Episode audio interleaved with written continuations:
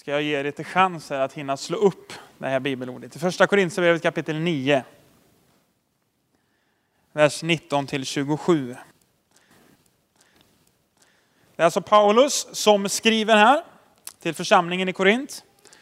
Eh, och från vers 19 så står det så här.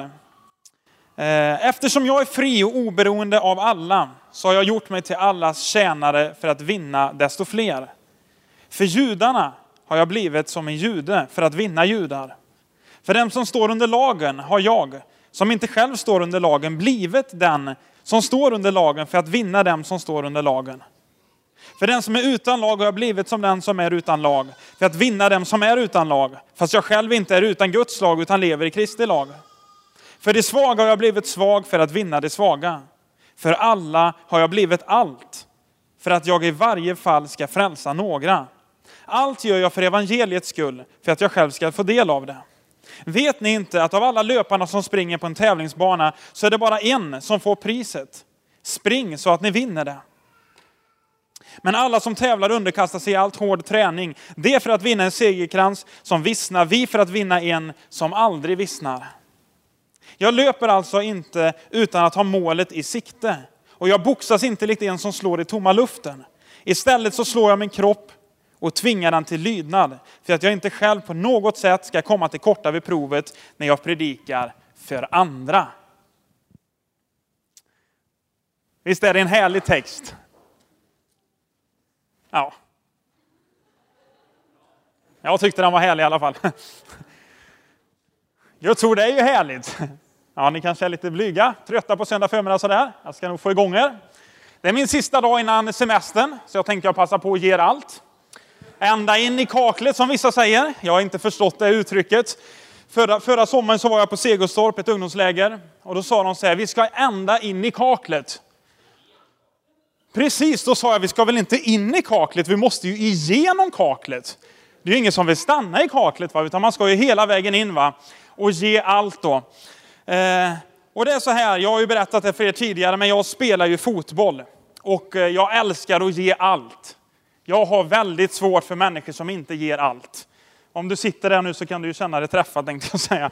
Det menar jag inte riktigt men jag, jag gillar när man liksom, spelar man, är det match va? Då går man ut på matchen och så ger man allt. Ger man inte allt så kan man lika gärna kliva av. Så är det va. Är det träning då är det en annan sak ibland för då kan man latcha lite sådär. Men är det match va, då är det in i närkamperna. Kan man kapa så kapar man. Eh, kan man liksom, är ni med? Man backar inte undan några dueller utan man ger allt. Jag blir frustrerad, jag blir irriterad på mina medspelare om jag ser att de liksom går in lite halvdant i situationerna. Ska man in, va, då går man in. Här ska benflisorna ryka. Inte riktigt, men nästan alltså. Ni förstår mig rätt där va. Man ska ge allt. Är man där ute så vill man ju vinna.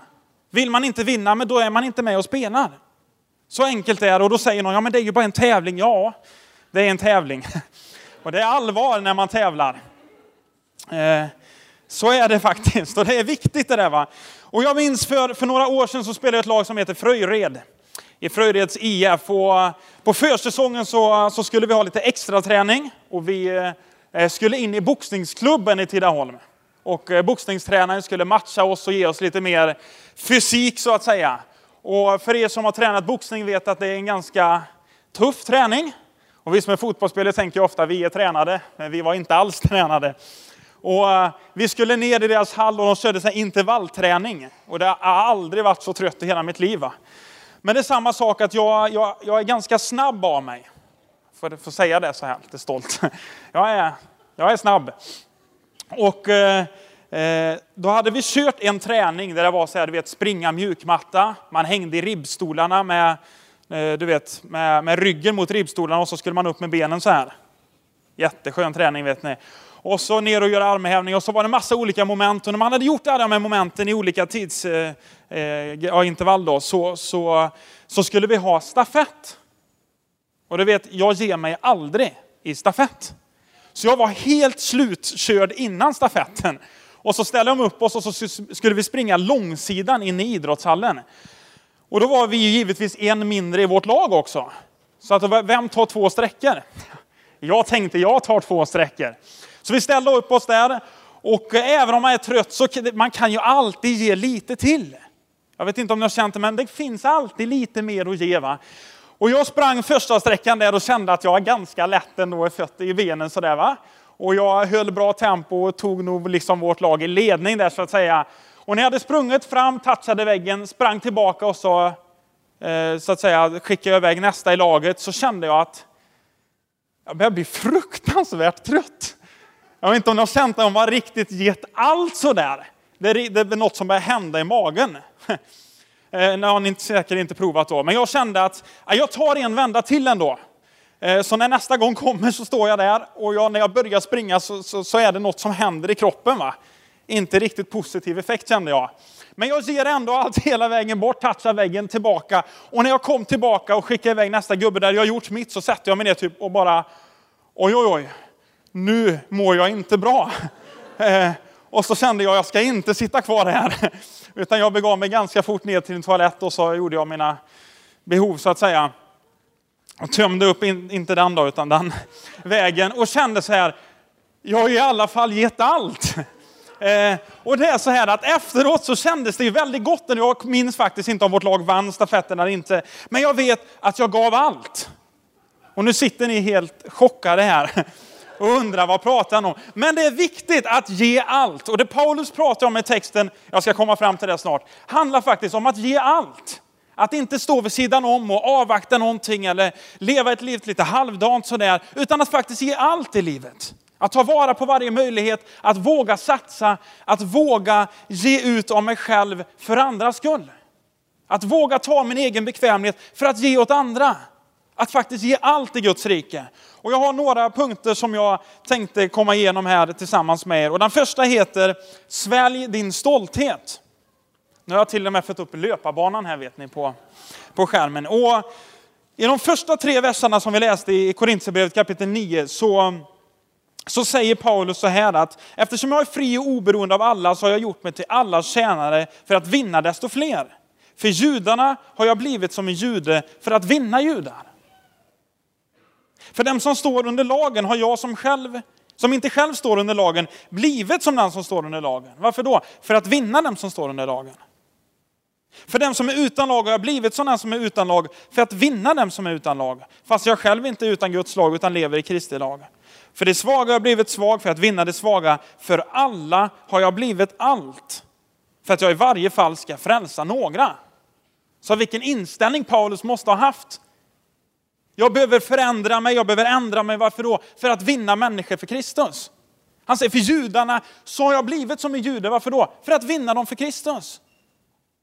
Och sen för de som är utan lag, säger Paulus själv, har jag blivit som den som är utan lag. Och sen säger han, fast jag är ju inte utan Guds, jag är ju inte utan lagen. Den har jag ju, men jag har blivit som den som är utan lag. Varför då? För att vinna de som är utan lag. Till och med för de svaga har jag blivit svag för att vinna det svaga. Sen säger han, för sen har jag blivit allt för alla, för att jag i alla fall ska frälsa någon. Visst är det starkt? Och tänker du, vad har det med din rubrik att göra här? Jag tänker, vi borde bli som våra vänner för att vinna dem. När jag är i Borgunda då, i min fotbollslag, så behöver jag ju bli som Burnaiterna för att vinna dem. Vad innebär det? Därför att jag går ner på deras nivå, jag hänger med dem, du vet när man sätter sig i omklädningsrummet så är det en viss känsla sådär. Jag är som dem, varför då? Därför att jag vill vinna dem för Kristus. Är det lagfest så är jag med på lagfesten, varför då? Därför att jag vill vinna dem för Kristus. Jag blir inte som dem, men jag blir ändå som en av dem för att vinna dem. Jag kommer inte agera likadant som alla de gör, men jag kommer finnas där och vara med dem.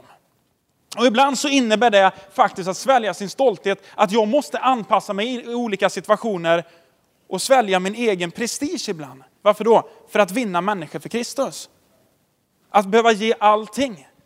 Och tänker vissa sådär att, ja men vad, vad innebär det? Ja men tänk då om dina kompisar, arbetskamrater, jag vet inte vad du gör riktigt men om de skulle ha fest ute på puben och kanske du tänker, ja, men jag kan ju inte gå ut på puben för vad skulle mina andra församlingsmedlemmar säga om jag är ute på puben? Nej, men du ska ju bli som en av dem för att vinna dem för Kristus. Det innebär inte att du ska sitta på puben och dricka dig full. Men det innebär att du kan följa med dem dit och svälja din stolthet för vad alla andra ska tycka. Varför då? För att bli en vän med dem och vinna dem för Kristus.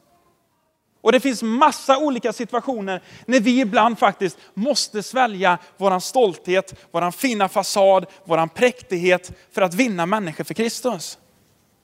I Jakobs brev så står det att eh, eh, ni kan inte göra skillnad på människor, skriver Jakob. Tänk om det kommer in en människa till er som är fina kläder, han har en guldring på fingret och ni säger kom hit fram och sätt dig på första bänk. Om det sen kommer in någon annan som är fattig, kanske luktar illa, inte klär sig likadant och ni inte behandlar honom lika, har ni då inte blivit domare som dömer partiskt? Ni kan inte göra skillnad på människor. Och ibland är det lätt för oss att de som är lika oss, de behandlar vi väl. De som ser ut som oss, de som agerar som oss, de kan vi liksom vara med, de kan vi vinna. Men hur är det för de som inte är lika kul att vara med då? De som vi kallar de svaga i samhället ibland. Hur behandlar vi dem? Ärar vi dem lika mycket? Kan vi svälja vår stolthet och umgås med dem och ta en fika på stan? Varför då? För att vinna dem för Kristus. Jag tror det handlar om att ge allt i Guds rike. Varför då? Inte för våran skull, utan för att vinna människor. När jag läser om Jesus så, så inser jag att när han gick vägen fram en gång så hade han alla lärjungar och massa folk som följde honom. Och så stannade han till på vägen fram vid ett träd. Jag tror ni känner till det. Han tittar upp i trädet och där uppe sitter Sackeus, tullindrivaren. Och eh, Jesus stannar och börjar prata med Sackeus. Och Sackeus klättrar ner i trädet och eh, Jesus vill komma hem till Sackeus. Men Jesus, han var ju, han var ju Guds son. De skulle väl inte umgås med tullindrivare och syndare? Och när Jesus säger att om jag vill jättegärna följa med dig hem till ditt hus så, så säger folket runt omkring, det står att de mumlar och alla börjar fundera och tänka, vad håller Jesus på med? Tar han in hos sin syndare? Men Jesus, vet han inte vem Sackeus är? Men Jesus brydde sig inte om det. Han gav allt, varför då? För att vinna Sackeus för Jesus. Han brydde sig inte om vad alla andra skulle säga, eller vad alla andra människor skulle tycka. Han var intresserad av att Sackeus skulle få möta Guds kärlek. Vid ett annat tillfälle så, så är Jesus ute vid en brunn. Jag tror de flesta av er känner igen det. Och det kommer en kvinna, en samarit. Och judarna och samariter är ju inte direkt bästa vänner. Det känner ni också till som är med lite i historien sådär. De stod som lite stridigheter mot, eh, mot varann. Och lärjungarna hade gått in till staden. Och Jesus sitter där ute och kvinnan kommer och Jesus börjar prata med henne och frågar, kan du ge mig något att dricka? Och kvinnan säger, hur kan du som är jude be mig, en samarit, om något att dricka? Vet du inte vem jag är? Men Jesus fortsätter bara konversationen och, och på denna tiden var det också ganska ovanligt att, att eh, judiska människor alltså pratade med kvinnor också. Man försökte undvika det. Varför? Ta inte, ta inte det med mig. Men det var så i den kulturen. Så när lärjungarna kommer tillbaka så står det i Bibeln att de tittar på varandra och undrar varför Jesus håller på att prata med en kvinna. Men det var ingen som vågade fråga honom. Men Jesus fortsätter att prata med henne och efter en viss stund så har han vunnit henne för evangelium. Jesus valde sin egen stolthet, vad alla andra skulle tycka, vad alla andra skulle tänka, hur alla andra skulle agera. Varför då? Därför att han var intresserad av att människor skulle möta Guds kärlek. Och jag inser det i mitt eget sammanhang och Gud är ofta på mig. Martin, svälj din stolthet. Bry dig om den här människan. Ring den där, gå ut och fika, tänk inte på vad alla andra ska säga. Häng med på den här festen och, och svälj din egen stolthet ibland. Bli som judarna för judarnas skull. Bli som de som är utan lag för deras skull för att vinna dem för Kristus. Och jag tror att det är någonting som är angeläget i vår församling idag. Låt oss svälja vår präktighet ibland. vår fina fasad och vår ytlighet. Och så börjar vi lära känna människor och bli deras vänner. Sven predikade för några månader sedan om att vara syndarens vän. De bästa predikningar jag har hört. Och jag tror det är lika aktuellt idag. Vi måste bli vän med syndarna och ge allt för att vinna dem för Kristus. Punkt nummer två handlar om att för att vinna så krävs det träning. Så är det ju. Det finns ingen, ingen löpare till exempel som ska ut och vinna ett maraton och aldrig har provat att löpa innan. Då vinner man inte i alla fall, det kan jag garantera dig. För att vinna krävs det träning. Och de tränar kanske ganska mycket kan jag säga då. Man måste äta rätt, det är säkert rätt kläder, rätt skor, vet du, allt spelar roll idag. Det är rätt förhållanden, rätt underlag. Eh, allt spelar in för att man ska vinna. Man måste träna hårt idag för att vinna. Varför då? För att det finns en sån enorm konkurrens. Och det är samma sak i fotboll. Jag älskar ju det här. Jag tar upp det gång efter gång efter gång. Men det är så här att man kan ju inte bara gå ut och börja spela om man aldrig har tränat tillsammans innan. Eller kan kan man. Då ser det ut som när jag spelade i Hovens IF. Man vann typ inte en match på hela säsongen. Men man hade kul tillsammans. Men det är något annat det. Det var inte jättekul när man inte vinner. Eh, men oavsett så vinner man inga matcher om man inte tränar. Det är oavsett vilken sport eller vilken idrott det än är, så vinner man inte om man inte tränar. De flesta av er ser ut som ni inte har tränat tänkte jag säga, nu menar jag inte så. Eh, jag menar mer som ni inte visste vad träning var. Inte av det att ni, ja, ni ser jättefina och vältränade ut. Eh, ni bara såg lite chockade ut över min, eh, eh, mitt konstaterande. Där. Eh, hur som helst, så, så, behövs det träning alltså för att vinna. Och Bibeln sa här i vers 23, då, jag ska läsa, fortsätta här i första Korinthierbrevet kapitel 9. Eh, så står det, allt gör jag för evangeliets skull för att jag själv ska få del av det. Vet ni inte att av alla löparna som springer på en tävlingsbana så är det bara en som får priset? Spring så att ni vinner det. Det vill säga, ge allt. Men, i alla, men alla som tävlar underkastar sig i allt hård träning. Det är för att vinna en segerkrans som vissnar, vi för att vinna en som aldrig vissnar. Vill man komma någonstans och bli känd och vinna ett mästerskap så får man lägga ner väldigt mycket tid, energi, pengar och liksom det mesta man har för att träna, träna, träna, träna och komma någonstans. Då för att vinna en seger, segerpris, en krans, en medalj som faktiskt kommer att vissna och försvinna. Och så säger Paulus att i Guds rike så behöver vi också underordna oss och underkasta oss hård träning. Varför då? För att vinna en segerkrans som aldrig vissnar. Och jag läste om en kille, jag vet inte hur många är intresserade av amerikansk fotboll här inne. Amen. fyra stycken. För er, lyssna noga nu, så känner ni säkert till en kille, han kommer upp här på skärmen, som heter Jerry Rice. Har ni hört talas om honom? Nicka lite så. Nej, nej, ja. Hur som helst, han föddes 1962, den 13 oktober. Den här killen han räknas förmodligen som en av USAs största baseball, eller amerikansk fotbollsspelare menar jag inte, nu tittar jag på Challe. Baseball, något annat där ute. Amerikansk fotbollsspelare genom alla tider. Den här killen, han är liksom the best of the best. Och många såg honom som en naturtalang. Men när man tittar närmare på hans liv så var han en eh, sjukt disciplinerad människa. Han tränade, tränade och tränade. Och jag läste om honom och då var det så här att när han var ganska tidig i sin karriär, i sin karriär så, eh, så var det så att deras tränare mot slutet av träningen så skickade de iväg alla, eh, vad heter det, alla lagspelare bort till en kulle som var 12 meter hög. Och så skulle de springa 20 gånger upp och ner. Och sen var träningen slut. Då tänker 12 meter, det är en ganska hög kulle. Efter en träning är man nog ganska färdig, så alltså avsluta träningen med 20 vändor upp och ner är nog liksom inte det roligaste. Men killen, han hängde på så han gjorde detta gång efter gång efter gång. Så kom en dag då det var väldigt varmt ute, det var fuktigt, han var helt färdig. Efter nio gånger tror jag det var. Efter elva gånger, det var nio gånger kvar. Efter elva gånger kände han att jag orkar inte mer. Jag, jag, jag, rent ut sagt, jag skiter i det här, jag går tillbaka. Så han gick mot omklädningsrummet och bara liksom, jag ger upp. Men så när han var på väg till omklädningsrummet så kände han att, ja, men vad håller jag på med? Ge upp är inte liksom, jag kan ju inte ge upp nu. Och så sa han så här att, så fort du faller in i vanan att ge upp kommer du tycka att det är okej. Okay. Så vände han tillbaka och så sprang han de sista nio gångerna och sen dess har han typ aldrig gett upp. Killen spelade 19 säsonger utan att missa en enda match. Här var det liksom självdisciplin. Och när de andra lagspelarna sa att när säsongen var över så tog de flesta ledigt. De åkte ut och fiskade, de liksom tog det lugnt, åkte och badade. Den här killen fortsatte att träna. Han tog aldrig ledigt. Varför då? Det var inte bara en del av liksom hans fritid. Att det var en del av hans liv.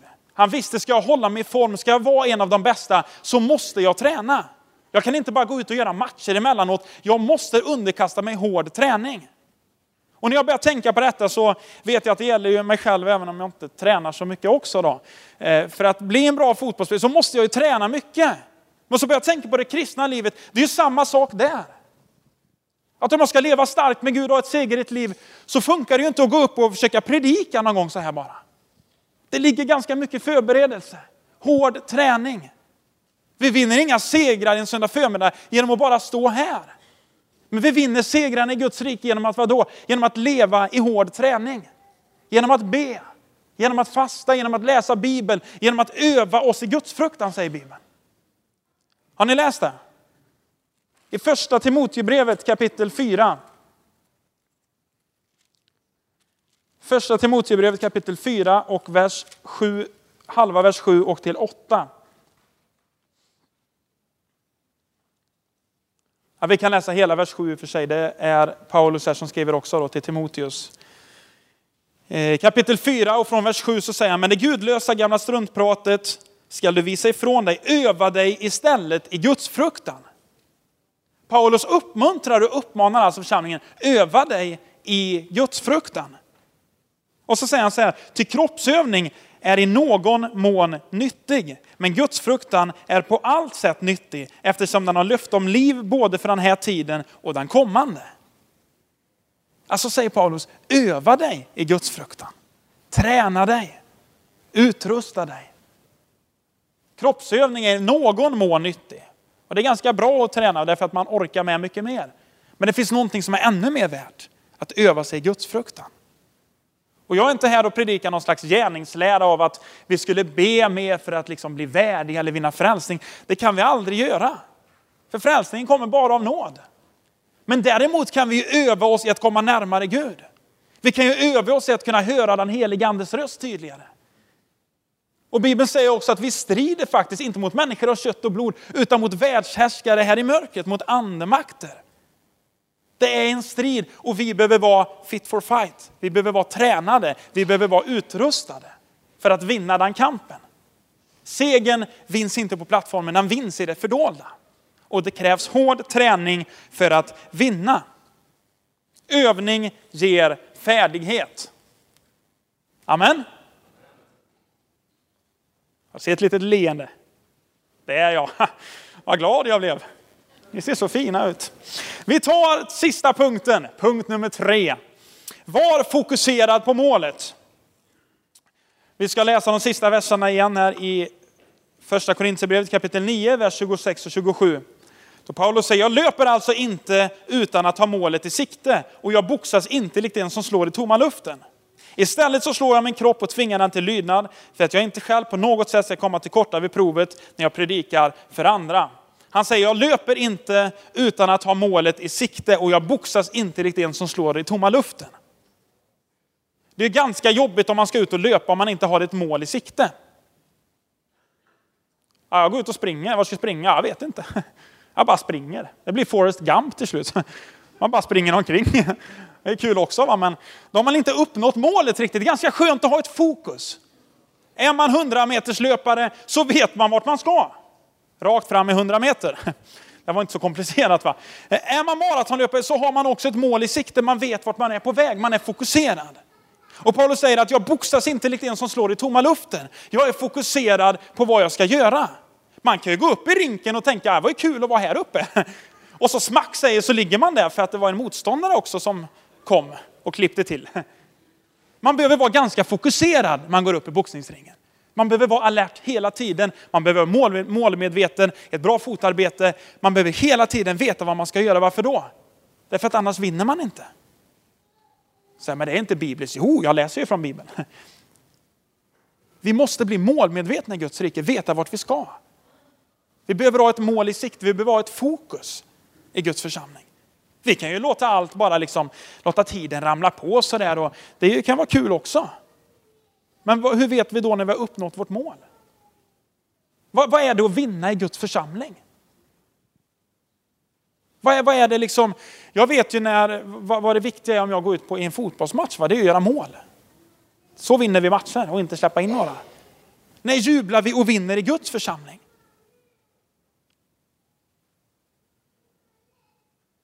Jag tänker när människor blir frälsta. Visst är det så? När vi får se människor komma till tro och döpa sig så får vi se själar bli vunna för evigheten. Det är ju att vinna. Vi behöver bli målmedvetna. Vad är det vi jobbar mot? Vad är det som är vårt viktigaste fokus? Det finns många andra saker som är viktiga som att lärjungar tränar människor, som att få se människor fördjupa sin relation med Gud. Eh, vi gör sociala projekt, massa olika grejer. Men vårt viktigaste fokus måste ju hela tiden vara att rädda själar in i evigheten. Det måste ju vara målet. Och hur är vi då fokuserade på det? Det är då man behöver stanna upp och tänka, gör vi rätt saker för att nå människor eller håller vi bara på att göra massa grejer? Kommer vi hit söndag efter söndag, varför då? Ja men det gör man ju, vi är ju i kyrkan. Ja men varför går du till kyrkan då? Vad gör du här? Det är ganska bra ibland att stanna upp och veta varför gör vi grejer. Vad är vårt fokus? Vad är vårt mål? Vad är vår strategi? Paulus var ganska tydlig med vad han gjorde. Han visste vart han skulle, han visste vilket pris det var att betala. Jag läste om en kille, de flesta känner ju honom också, eller känner ju inte, ni har hört talas om honom. Han är golfare och heter Tiger Woods. Ja, det är kanske någon som känner honom, det vet inte jag. Men jag känner honom inte då, jag har bara läst en del om honom. Han började spela seriös golf när han var två år. Just det. Ibland verkar det som att folk tror att han blev, som han blev professionell över en natt. Så. Nej. Han började spela seriös golf när han var två år. Sen var det hård träning. Träning, träning, träning, träning. Och sen slår man igenom. Man blir inte mästare över en natt. Vi som Guds församling kommer inte vinna bara en grej över en natt. Det krävs träning, det krävs disciplin, det krävs att man lägger ner andra saker. Jag läste om Tiger Woods att när han var 24 år gammal så hade han vunnit 21 professionella mästerskap. Tävlingar. Det är helt okej. Okay. Han slår nytt rekord där. Är ni med? 24 år har vunnit 21 professionella mästerskap eller tävlingar. Från två år och så bara träna, vara fokuserad. Han visste vart han ville. Visste han det som tvååring? Nej, men hans pappa visste nog. Men det står faktiskt att hans pappa hade eh, önskade och satsade, satsade mer krut på att han skulle bli en, en bra, alltså en, eh, en bra människa än att han faktiskt skulle nå en golfkarriär. Då. Eh, men målmedvetet från två års ålder börja fokusera, då vet man vart man ska. Det visste säkert pappan också. Och jag tänker för att komma dit så krävs det en del misslyckanden också. Inte, inte har han bara lyckats, nej han har gjort en del misslyckanden också. Och så är det Guds församling med. Om vi ska komma någonstans så krävs det en del misslyckanden. Jag brukar säga till mig själv att för att få se någonting du inte har sett förut så måste du ju göra någonting du aldrig har gjort förut. Jag kommer aldrig få se, om jag drömmer om att få se någonting jag aldrig har sett förut, så måste jag också våga göra någonting jag aldrig har gjort förut. Hur ska jag annars få se det? Ibland har vi någon slags illusion i, i kyrkan om att tänk när frälsningens dag kommer. Och det sitter 500 stycken här inne som alla kommer rusa fram på inbjudan. Det kommer inte hända. Vad som kommer hända är att du och jag tar med oss våra vänner hit och så får de ta emot Jesus. Eller om du ber till frälsning med dem hemma. Jag vet inte vad som är enklast och bäst, men det kan ju lite olika alternativ. Men det är inte så att helt plötsligt så kommer det vara kö här utanför därför att det bara, åh vad vi har väntat på den dagen. Det är någonting vi kommer jobba för. Slita för, be för, fasta för, vittna för. Och jag tror det är så i Guds rike att vi behöver ge allting för att komma dit. Ibland har man också gett någon slags illusion av att ja, men det är så enkelt i Guds rike. Det är inte enkelt i Guds rike. Men inte vad du har fått för bild. Det är ganska tufft i Guds rike. Frälsningen, den ges för inte tänkte jag säga. Den, den är ju gratis. Den kan alla ta emot och behöver inte göra någonting för att förtjäna den. Men att vandra med Jesus och leva tillsammans med honom, det är inte alltid en enkel match. Det kostar på. Det är ganska tufft ibland. Vi har det lätt i Sverige. I andra länder lider man förföljelse. Det är tuffa saker att följa Jesus, men det är värt allt. Varför då? Därför att vi vinner ett evigt liv. Vi vinner någonting som varar in i evigheten. Vi får tag på någonting som är mer värt än allt annat. Därför är vi beredda att gå i döden. Därför är vi beredda att utstå hån. Därför är vi beredda att utstå förföljelse. Varför då? Därför att vi har funnit Kristus. Vi har funnit det som är mer värt än allting annat. Och i Guds rike så tror jag det handlar om att ge allt. Och vi ger inte allt som jag sa innan för att vi skulle förtjäna frälsningen. Vi ger inte allt för att vi skulle vara någonting i oss själva. Men vi ger allting för andra människor. Vi ger allting för att fler människor ska vinnas för evangelium. Jag tyckte Paulus skrev det underbart. Jag gör allting för att jag åtminstone ska vinna eller frälsa några. Jag är beredd att göra det mesta för att jag åtminstone ska nå någon. Och ibland tror jag vi behöver utmana oss lite, utmana varandra. Att våga göra någonting nytt. Våga ta lite nya grepp, våga sträcka lite liksom. Våga kliva ut på vattnet. Våga ta ett steg i tro. Utmana varandra att kanske nästa vecka bjuda en arbetskamrat på lunch. Och få berätta om Jesus. Nästa vecka göra en insats hos någon. Att vi vågar att göra konkreta saker för att hjälpa varandra att växa i Guds rike och framförallt för att fler människor ska få del av evangeliet.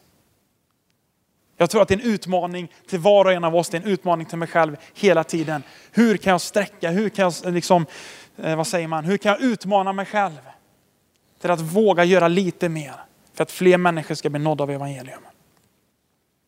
Vi slutar gudstjänsten och klas nu kan vi komma fram och vi kan gärna resa på oss.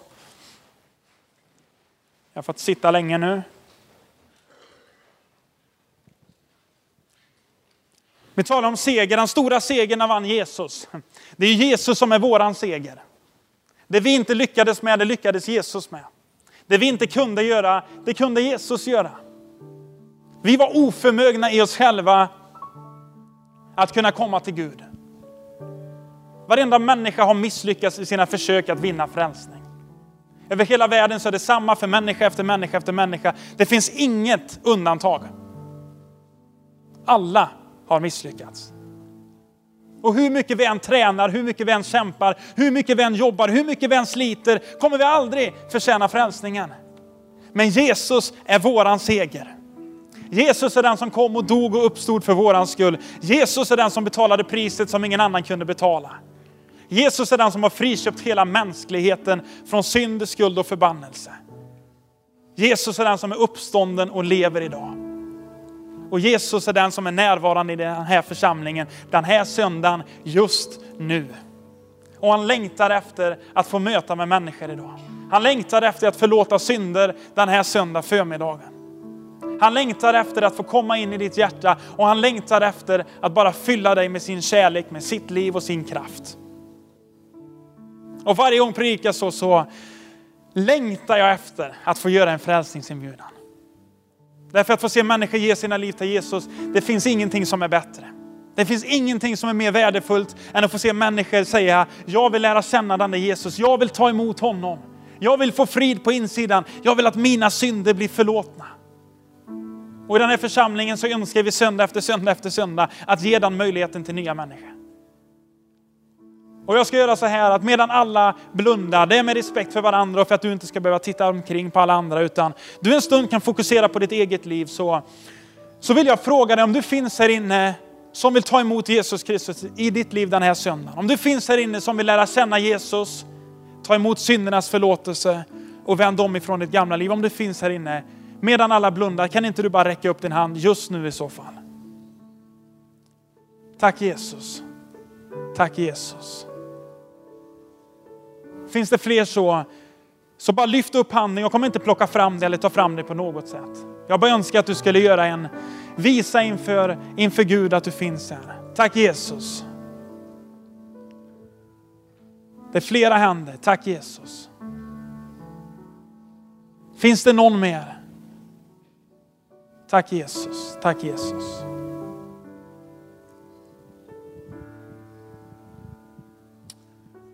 Tack Jesus, det är flera händer som går upp.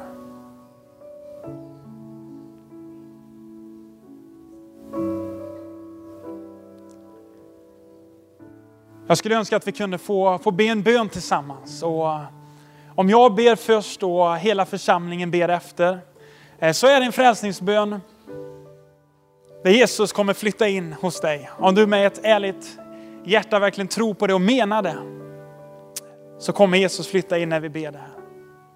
Så om jag ber först så kan ni väl be högt allihopa här inne efter mig. Tack Jesus att jag får komma till dig nu. Jag vill ta emot dig. Jag vill lära känna dig. Och jag vill bli din bästa vän. Jesus, jag ber om förlåtelse. För alla mina synder. Jag ber att du ska flytta in i mitt liv. Och bli Herre i mitt liv. Just nu. Jag tror på dig Jesus. Som min frälsare. Jag tror att du dog på ett kors. Och jag tror att du uppstod igen. Från och med denna dag så tillhör jag dig. Jag vill vandra med dig. Jag vill leva med dig. In i evigheten. I Jesu namn. Amen. Amen, amen, amen. Om du bad den här bönen för första gången så är det det bästa beslut du någonsin kan ta. Att börja vandra tillsammans med Jesus. Jag blir helt salig. Jag tycker det är så underbart när människor tar emot Jesus. Och eh, nästa steg i att följa Jesus är också att låta döpa sig. Att bekänna sin tro genom att stiga ner i vatten och begrava det gamla för att uppstå till ett nytt liv i Kristus. Om du finns här inne som, som tror på Jesus men ännu inte har låtit döpa dig så skulle jag önska att du i så fall kunde komma fram under gudstjänsten eller efter gudstjänsten till mig eller Daniel eller någon av förebedjarna för att ta ett samtal. Så hoppas jag att det finns möjlighet snart eh, under några söndagar framöver här att vi ska få se människor låta döpa sig för att följa Kristus. Halleluja! Vi ska fortsätta den här gudstjänsten med att få prisa Jesus och ära honom. Eh, Klas-Göran kommer vara med och leda oss här i lite lovsång. Eh, och vi kommer också ge möjligheten och förmånen att få, att få ta del av förbön. Och ni som är förebedjare kan väl lämna er plats just nu och komma fram till första bänken här. Och eh, finns där inne som känner att ja, men jag skulle önska att det fanns någon människa som kunde be för mig. Det kan vara allt möjligt vet du. Att du är, är sjuk eller att du bara vill samtala om någonting eller någonting som tynger dig. Eh, så finns den möjligheten att komma fram till någon av våra förebedjare eh, som jättegärna vill hjälpa dig vidare och be tillsammans med dig och samtala med dig. Eh, så vi tar den möjligheten av att vi tar en stund i lovsång och förbön här och sen så kommer vi avsluta gudstjänsten. Amen.